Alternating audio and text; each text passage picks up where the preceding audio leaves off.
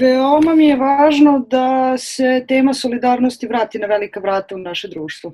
Ovo je važno Vedrani Mirković, koja je koordinatorka psihološkog savjetovališta grupe Izađi. Slušate podcast Urbani razgovori Fabrike kreativnosti. Ja sam Aleksandra Bučko, a danas pričamo o porodicama u LGBT zajednici. Generalna skupština Ujedinjenih nacija je 15. maj proglasila svetskim danom porodica, koji se prvi put obeležio 1994. godine pod sloganom da porodični dan ne čine stvari nego srdačni odnosi roditelja i dece. Svetski dan porodice počeo se obeležavati s ciljem da se naglasi važnost porodice kao osnovnog elementa svakog društva.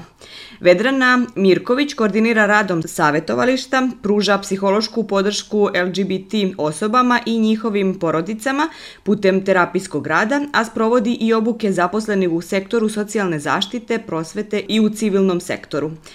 Inače, Danska je prva država na svetu koja je legalno priznala istopolne brakove 1989. godine. Bračne i vanbračne zajednice u Srbiji definisane su isključivo kao zajednica života muškarca i žene i upravo zbog toga istopolni parovi nemaju prava na sklapanje bilo kakvih zajednica pred zakonom. To ih e,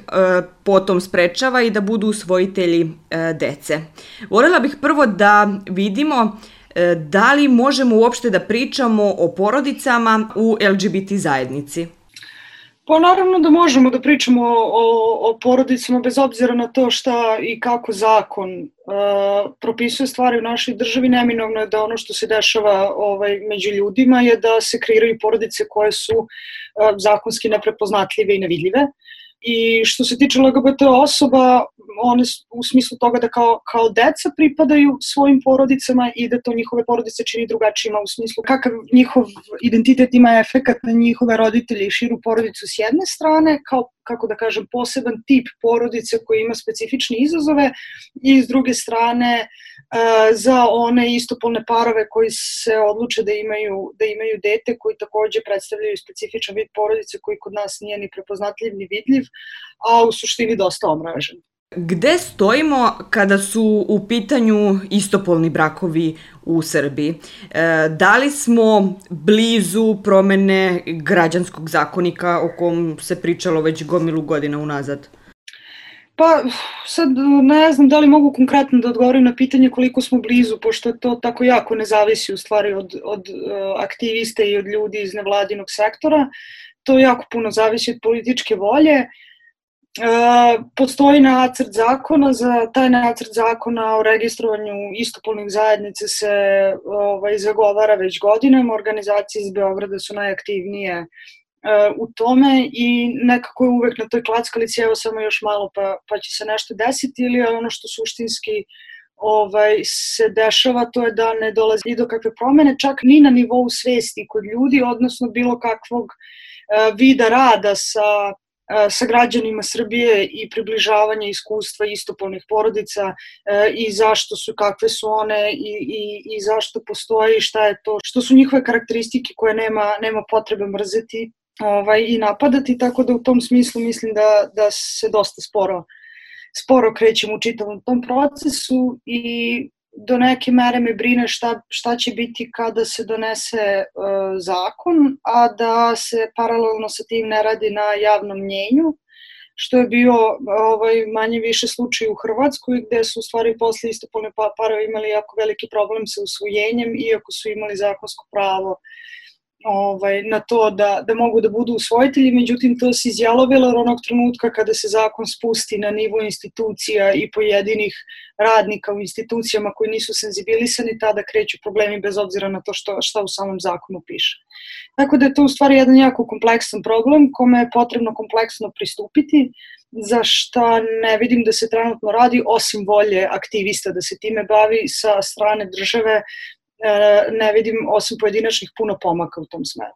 Na koji način bi moglo da se možda senzibiliše veći broj ljudi kako bi se vršio jači pritisak na vlast, potom i na institucije, da bi uh, se prosto sve pokrenulo da funkcioniše normalno i da funkcioniše malo brže? Pa to su nekako paralelni procesi. Nije, nije dovoljno samo da uh, se vrši pritisak na vlast pa da se nešto desi, jednako je važno da vlast uh, stane iza nečega pa da se to preliva na, na, na javno mnjenje. Uh, ja mislim da u današnje vreme nekako najsnažniji alat za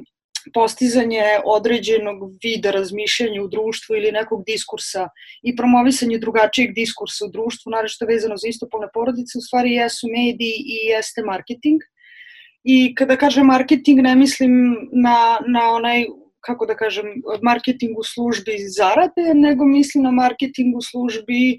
um, edukativnog materijala koji bi se plasirao i, i emisija koje bi se pravilo koje bi, koje bi se pravile i gde bi se o tim, o tim stvarima raspravljalo i pokušalo da se približi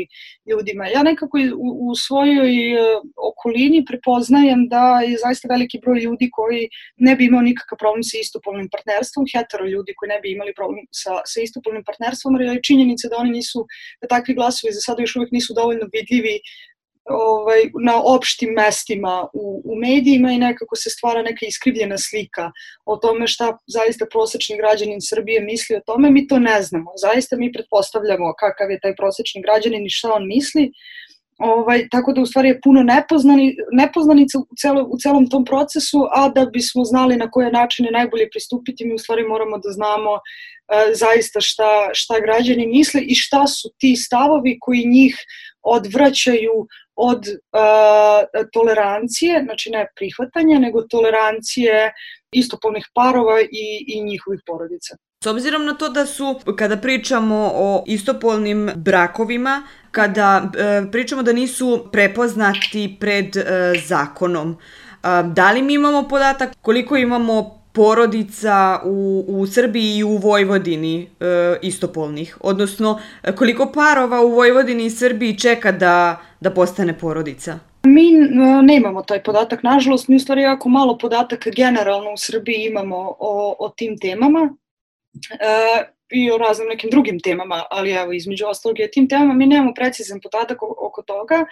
Ono što e,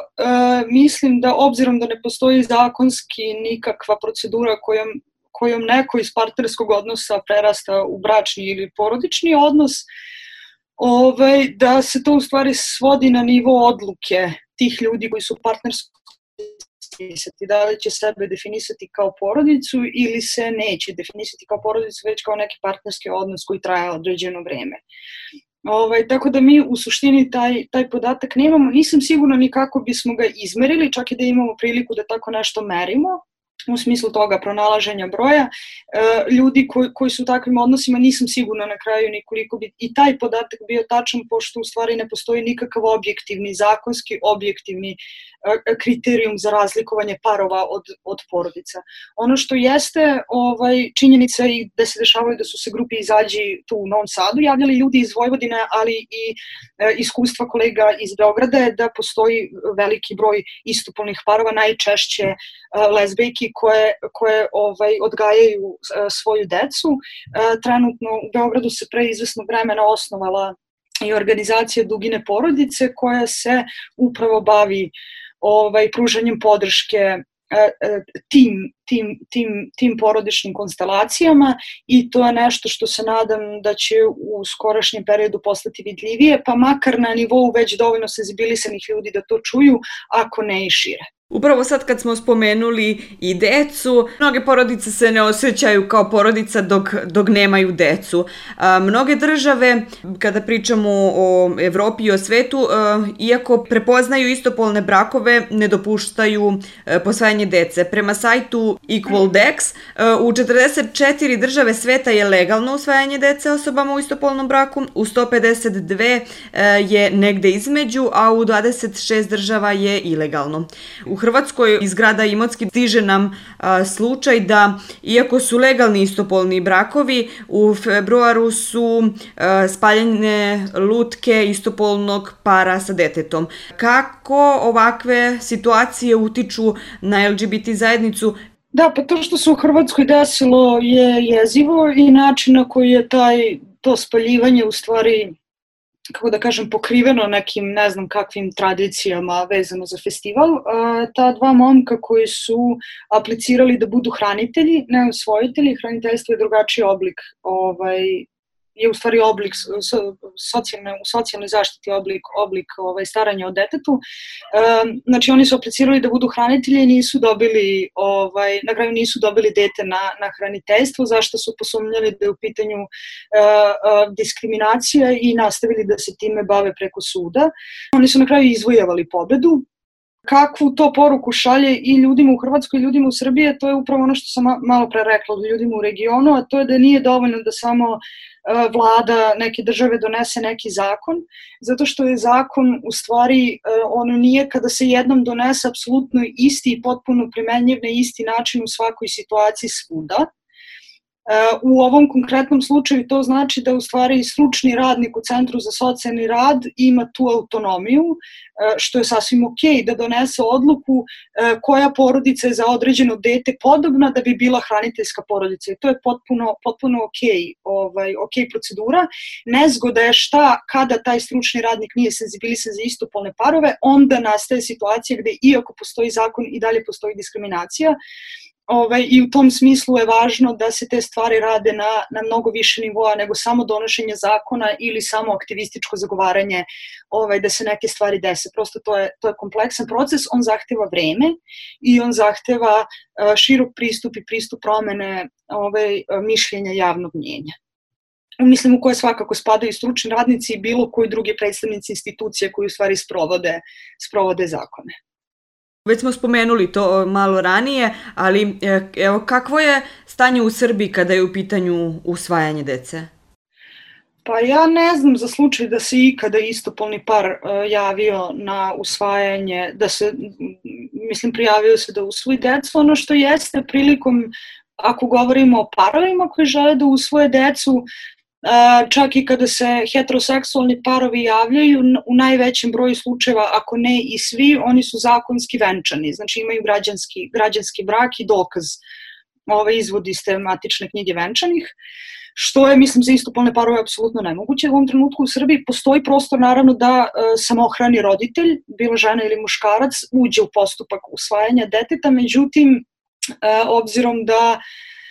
kako da kažem, na razne peripetije u našoj zemlji, e, e, samohrani roditelj će nešto teže dobiti e, dete nego roditelji koji su u, u braku, znači nego dva roditelja, zato što samohrano roditeljstvo sa sobom nosi neke, neke rizike. Tako da u tom smislu da, teorijski moguće da se jedan gej muškarac ili jedna lezbejka da uđe u proces za usvajanje deteta i moguće da prođe ispod radara uh, centru za socijalni rad u vezi sa svojom seksualnom orijentacijom. Međutim, ja ne znam za slučaj da se tako nešto, u Srbiji da se tako nešto desilo, ne znači da nije, samo prosto eto ja, ja nisam, nisam čula za tako nešto. Eto. Na današnji dan pričamo o važnosti porodice kao takve i kao elementa jednog društva. Za vreme vanrednog stanja smo imali veliku kampanju Ostani kod kuće i mogli smo slušati priču o tome koliko znači podrška porodice u svim tim trenucima kroz koje smo prolazili. Zašto je važna podrška porodice i osoba koje su LGBT? Da, pa ono što, što nama istraživanje pokazuju i inostrana uh, naučna istraživanja, E, domaća istraživanja, ta neka koja su rađena, je da u stvari e,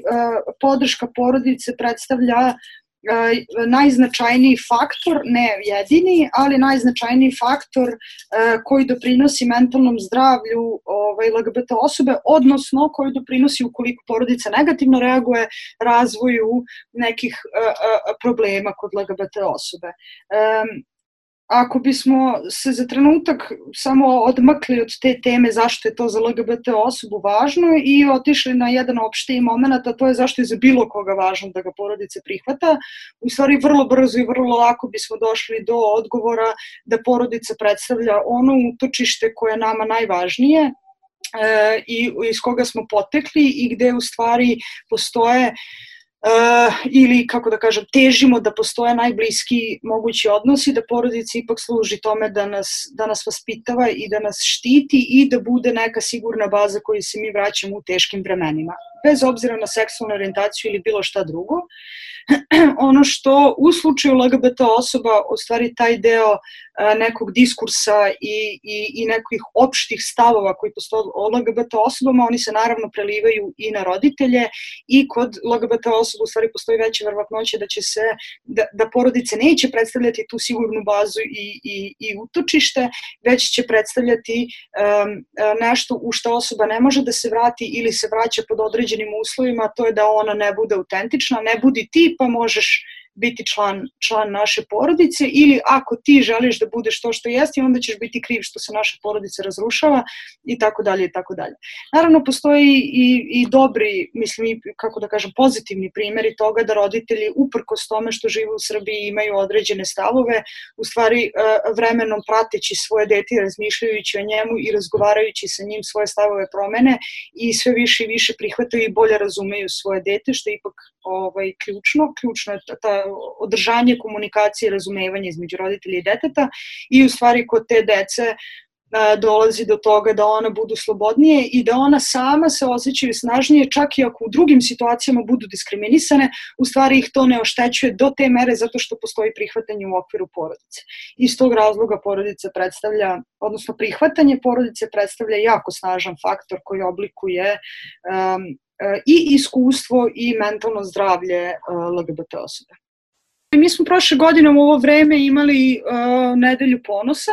Stvari nama 16. maja, znači sutra, prošle godine, smo imali taj prvi Pride u Novom Sadu. Ovaj, a 15. smo stvari imali neku aktivnost koja je bila vezana za iskustvo. U našem društvenom centru su roditelji LGBT osoba pravili večeru za sve koji žele da dođu i da jedu i ta akcija se zvala Roditelji kuvaju za vas. E, i ta akcija je u stvari bila sjajna, to se igrom slučaja pogodilo da baš bude na, na dan porodice, to nismo planirali, tek smo posle ovaj, e, povezali te dve stvari. E, i ono što meni u stvari jako važno da, da naglasim apropo ovoga što sam rekla na početku o solidarnosti, to zašto mi je to važno, mislim između ostalog zbog ove krize iz koje, iz koje polako izlazimo, u stvari jeste ta ideja da zaista postoje uh, jako različite porodice, ako govorimo o porodicama koje zaista imaju svoje specifične iskustva i izazove i imaju puno pravo na to, a da je ono sa čim se ja često susrećem je neka ideja da kod nas da uh, ako neko drugi dobije neka svoja ljudska prava, uopšte ta suluda ideja da neko dobija neka ljudska prava, ovaj, time ću ja biti ugrožena. I čini mi se da kod nas postoji jedna ideja da su, da je, da su ljudska prava neki kazan pasulja, pa ko koliko zagrabi, to znači da ovom trećem neće ostati dovoljno. To je potpuno pogrešna ideja, to je potpuno pogrešna, pogrešno shvatanje ljudskih prava i ljudska prava ne treba da budu borba či ko će imati više, jer će onda onaj drugi imati manje. Uh, već treba ipak nekako raditi na toj, u stvari na razvijanju te i osvešćivanju pozicije onog drugog u društvu i pozivanju na, te, na, na, na solidarnost i na razumevanje da smo na kraju dana svi jednaki i da imamo puno pravo da svi budemo jednaki i da je sasvim ok te stvari i na zakonskom e, nivou sprovesti, e, sprovesti do kraja. Eto, to mi je nekako bilo važno da kažem za sve porodice, za bilo koje koje ovaj, o, ljude kojima je ipak potrebno da nekako svoje pravo ostvare, a puno ih je. Puno ih je u našoj državi, nažalost. Rekli smo i da e, pružate psihološku podršku LGBT osobama i njihovim porodicama. E, kako porodica uglavnom reaguje kada se član porodice izjasni da pripada LGBT zajednici, odnosno da li smo došli u vreme kada je mnogo manje negativnih, a mnogo više pozitivnih reakcija? Postoji dupli odgovor. Jedan odgovor koji dolazi iz mog iskustva rada u grupi Izađi, gde mislim da bi došao, da bi neki roditelj došao i obratio se nama za pomoć, on u stvari već mora do neke mere da prihvata svoje dete. Neće roditelj koji smatra da je njegovo dete treba da se promeni, da je to greh i budalaština, da dođe kod nas da traži pomoć. Prosto ti, ti ljudi odu negde drugde. I što se tiče e, rada našeg rada sa roditeljima LGBT osoba i grupe podrške koju imamo i koja traje, kod nas u stvari već dolaze roditelji koji su spremni da im neko pomogne da prebrode krizu u pravcu prihvatanja, boljeg prihvatanja ili većeg prihvatanja svog deteta. E, sa, ili da, da, da steknu veštine za, su, za suočavanje sa nekim budućim krizama. E, s druge strane, ovaj, ono što nam istraživanja govore prevashodno iz inostranstva je u stvari da je jako veliki procenat e, LGBT osoba koji doživi nasilje i verbalno i fizičko do izbacivanja iz kuće i pojedinačni slučajevi koji se nama javljaju za pomoć u stvari jesu ljudi koji su e, imali to u svom iskustvu i koje porodice izbacili iz kuće zbog toga što su se autovali kao pripadnici LGBT populacije. E, mi smo pre dve ili tri godine radili jedno istraživanje na teritoriji Novog Sada koje je imalo to hipotetičko pitanje šta biste vi uradili da vam dete kaže da je gej i ono što je poražavajuće, ja sad ne mogu konkretno da se setim procenat, ali ja mislim negde oko 40% ljudi, između 30 i 40% ispitanika koji su odgovorili na to pitanje su rekli da bi svoje dete poslali na lečenje ili ga izbacili iz kuće ili ga pretukli i time rešili problem. E sad naravno, to nije realan podatak zato što je jedno šta ljudi hipoteziraju da bi uradili, a ipak je drugo kad se nađu u, u realnoj situaciji, no svakako je najveće u stvari verovatnoće, ja mislim da mi čak i skoro sa sigurnošću možemo da govorimo da, e, da je jako veliki procenat ljudi koji bi koji bi u stvari ekstremno negativno reagovao e, na, na saznanje da im je dete LGBT i time u stvari prekršio raznorazne neke zakone koje mi imamo iz porodičnog zakonika koji se tiču toga, zabrane fizičkog kažnjavanja, zabrane e, fizičkog zlostavljanja, psihičkog zlostavljanja, verbalnog zlostavljanja i tako dalje, ekonomskog zlostavljanja, znači te stvari da kada su LGBT osobe, studenti, roditelji ih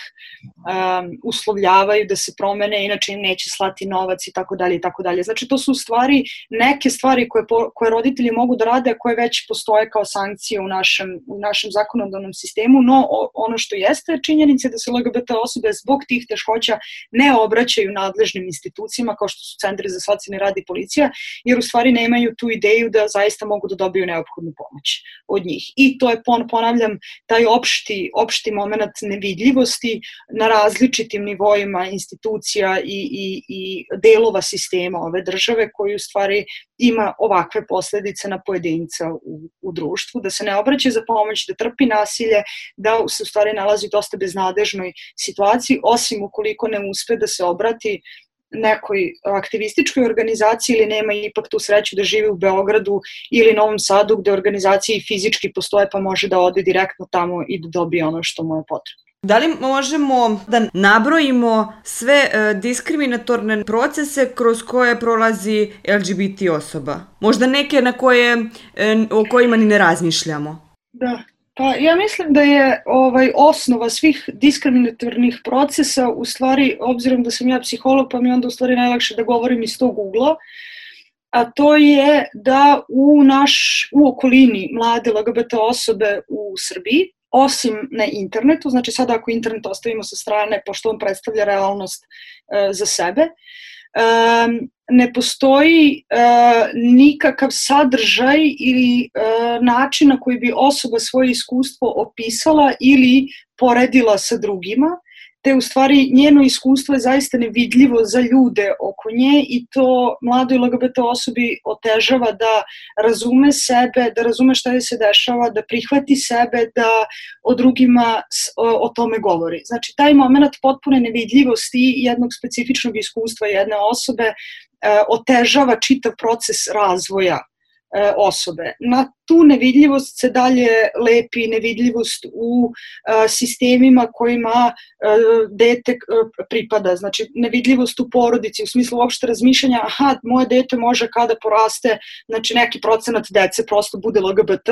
negde oko 5%, i nepostojanje kod roditelja bilo kakvog razmišljanja, aha, pa evo možda se desi da moje dete bude jedno od tih 5% ovaj, onda u školama gde se ta tema apsolutno ne adresira, kako u osnovnim školama, tako i u srednjim školama, ili mislim i u vrtićima i gde ne samo da se ne adresira, nego bilo kakve um, bilo kakvi pokazatelji uh, istopolne seksualne orijentacije ili transrodnosti u stvari neretko bivaju strogo kažnjavani i stigmatizovani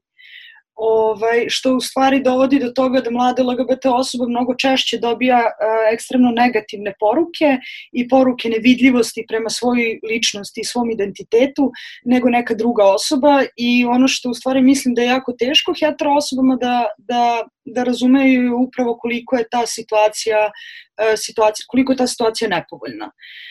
To naravno dalje naleže kako se širi sistem koncentričnog osobe i na zakone i na medije i na to kakvoj slici o LGBT osobama, u kakvoj slici o LGBT osobama mlada LGBT osoba odrasta, dileme oko toga da li reći roditeljima, kako će roditelji reagovati, da li to može da dovede do snažnih porodičnih konflikata, da LGBT osoba bude kriva zato što narušava svoj sistem, pa onda pitanja oko toga kako naći partnera, kako prepoznati prepoznati zaista nekoga ko je s kim, s kim bi se moglo stupiti u partnerski odnos i tako dalje. Što se tiče trans osoba, tu postoje posebne teškoće u smislu dostupnosti medicinskih usluga koje su im potrebne, senzibilisanosti lekara i kliničkih psihologa kod kojih u stvari prvo prvo dolaze, znači njihova uh, ili ne, neki nedostatak znanja o, o specifičnostima transrodnosti koje nekako ideja da stručnjak bude tu da pomogne osobi da odgovori sebi na neka pitanja i da lakše ovaj, da lakše prebrodi neke krize. Neretko se dešava da trans osobe naiđu na nesenzibilisane stručnjake koji im daju potpuno netačne informacije stare i po 50, 60, 70 godina i ne upućuju ih dalje na sisteme podrške koji su im potrebni, tako dalje i tako dalje. Ono što je definitivno posledica svega toga je da ne postoji nikakav sistemski pristup i to je zaista tako, znači nikakav sistemski pristup, onaj pristup koji dolazi iz vrednosti ovog sistema u kom mi živimo, a koji se ipak bazira na e, ljudskim pravima i nekoj jednakosti građana, ovaj, i kada se to spusti, spušta redom po institucijama, do, dolazi do toga da je LGBT osoba u sistemu potpuno, potpuno nevidljiva i, nečesto, i neretko ovaj, neshvaćena, što se naravno sve onda odražava i na mentalno zdravlje, sliku o sebi ovaj, te osobe i sve što dalje ide sa tim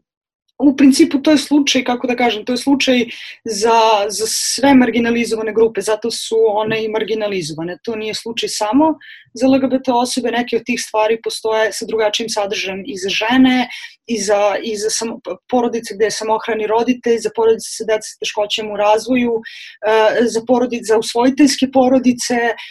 za hraniteljske porodice i tako dalje i tako dalje. Znači za svaku vrstu e, bilo kakve različitosti koja odstupa od naše prosečne predstave o tome kako porodice treba da izgleda, mi u stvari dolazimo do toga da je svaka razlika ovaj, može da bude ozbiljan rizik za marginalizaciju neke osobe i neke porodice.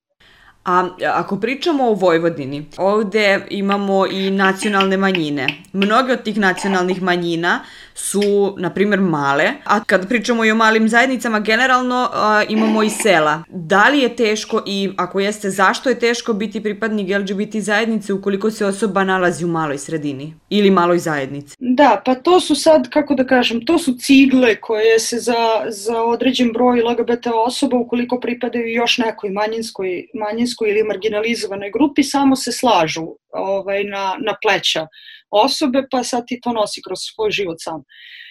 Um, ono što su rizici sa manjim sredinama je da u stvari one sa sobom mogu, mogu da nose konzervativnije stavove,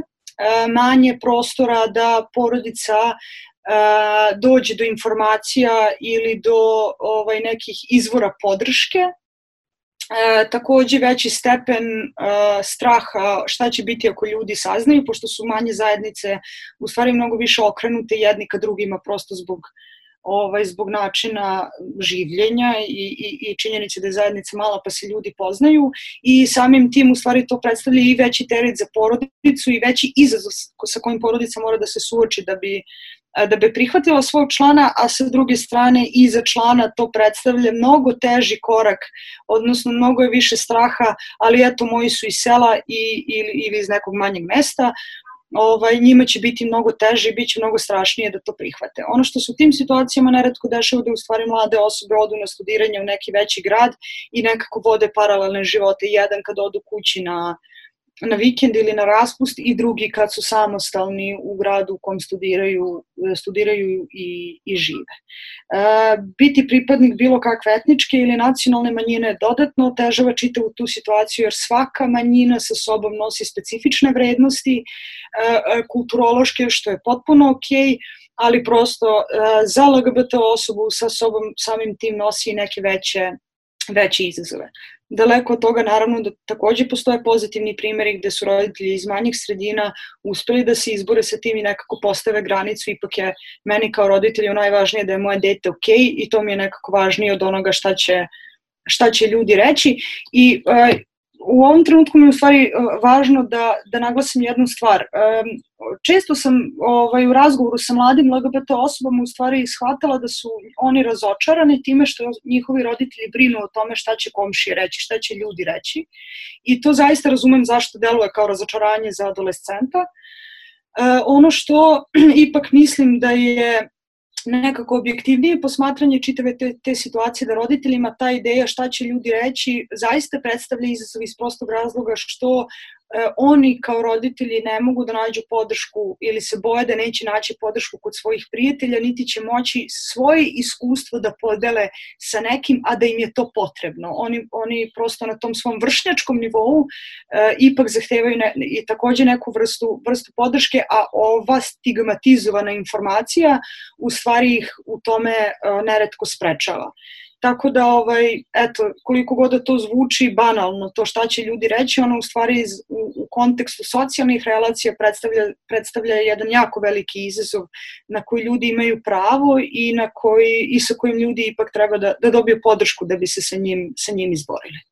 Čemu je doprinelo, a čemu naštetilo imenovanje Ane Brnabić za predsednicu vlade Srbije? U, u smislu a, mnoga dešavanja koja a, su u vezi sa njenim privatnim a, seksualnim opredeljenjem su izazvale jake reakcije. A, možda čak i ne toliko a, neodobravanja njene seksualne orijentacije, koliko je to da e, je prosto samim tim što je premijerka došla do nekih povlastica, kao na primjer upravo ta tema o, o roditeljstvu u istopolnim partnerstvima, kada je premijerka i njena partnerka kada su dobile dete. Da, pa ja ovaj, um,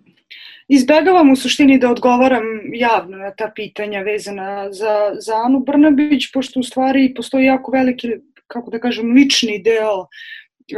znači moj lični odnos, ne, ne profesionalan, znači ne psihološki odnos prema, prema tome što se desilo. Jedan vid odgovora da ipak nekako postoji konsenzus među aktivistima u Srbiji, da je Ana Brnabić u stvari sredstvo nečega što se zove pink washing, a to bi u suštini bilo zloupotreba nekih manjinskih zajednica, u ovom slučaju jedne, jedne lesbijke, za predstavljanje da, nekih vrednosti evropskih, političkih, šta god, a da se suštinski ništa ne menja. U stvari, ta, ta neka ideja toga da, ona, da njena seksualna orijentacija u stvari mnogo više služi kao neka vrsta marketinga ili skupljanja poena, a mnogo manje da njena seksualna orijentacija na bilo koji način igra ulogu u njenim, u njenim političkim vrednostima. E, njena seksualna orijentacija od starta apsolutno nije privatna stvar, obzirom da je ona autovana od strane druge osobe kao e, kao lezbijka, to u stvari čak njoj nije ni data prilika da ona sama odluči da li će biti autovana i da li će sebe autovati ili nešto, je takođe nešto što je, što je nepovoljno i ne okej, okay. to nije okay raditi, nije okay autovati druge ljude. E, tako da od starta u stvari njena seksualna orijentacija nije privatna stvar, ono što je meni lično nekako naj izaziva najveći stepen ljutnje je to što je njoj najveći, ako ne i svi, mislim, iz vlade su joj čestitali kada je ona dobila dete, odnosno kada je njena partnerka e, put veštačke plodnje rodila ovaj, njihovo dete. Ono što je problematično sa tim je što se time direktno dolazimo u situaciju da je isključivo i samo jedna lezbijka u ovoj državi prepoznata kao majka i to ne čak za, ne zakonski, nego je to na nivou ljudi koji sede na pozicijama moći i niko drugi u ovoj državi i to zaista za mene predstavlja ogroman problem, to zaista e, smatram da je nešto što je jako nepotrebno, jako ružno, apsolutno mi je kao, kao sa, sa onako strane ljudskog bića ovaj, nerazumljivo zašto se to desilo, sa političke strane mi je apsolutno jasno, ali eto, svakako je nešto što, što kod mene lično izaziva jako veliku ljutnju. Ja pretpostavljam da je to situacija i sa drugim LGBT osobom u Srbiji, mada to ne mogu da, da tvrdim. Ja sam Aleksandra Bučko, vi ste slušali specijalno izdanje podcasta Urbani razgovori u kom posmatramo razna dešavanja na, na koje je pandemija izazvana virusom COVID-19 imala uticaj. Hvala Vedrana a, na ovom razgovoru. Podcast Urbani razgovori je dostupan u sklopu medijskih sadržaja Fabrike kreativnosti na platformama Mixcloud, Anchor i Google Podcast kao i na YouTube-u. Slušajte i dalje o važnim temama jedan na jedan.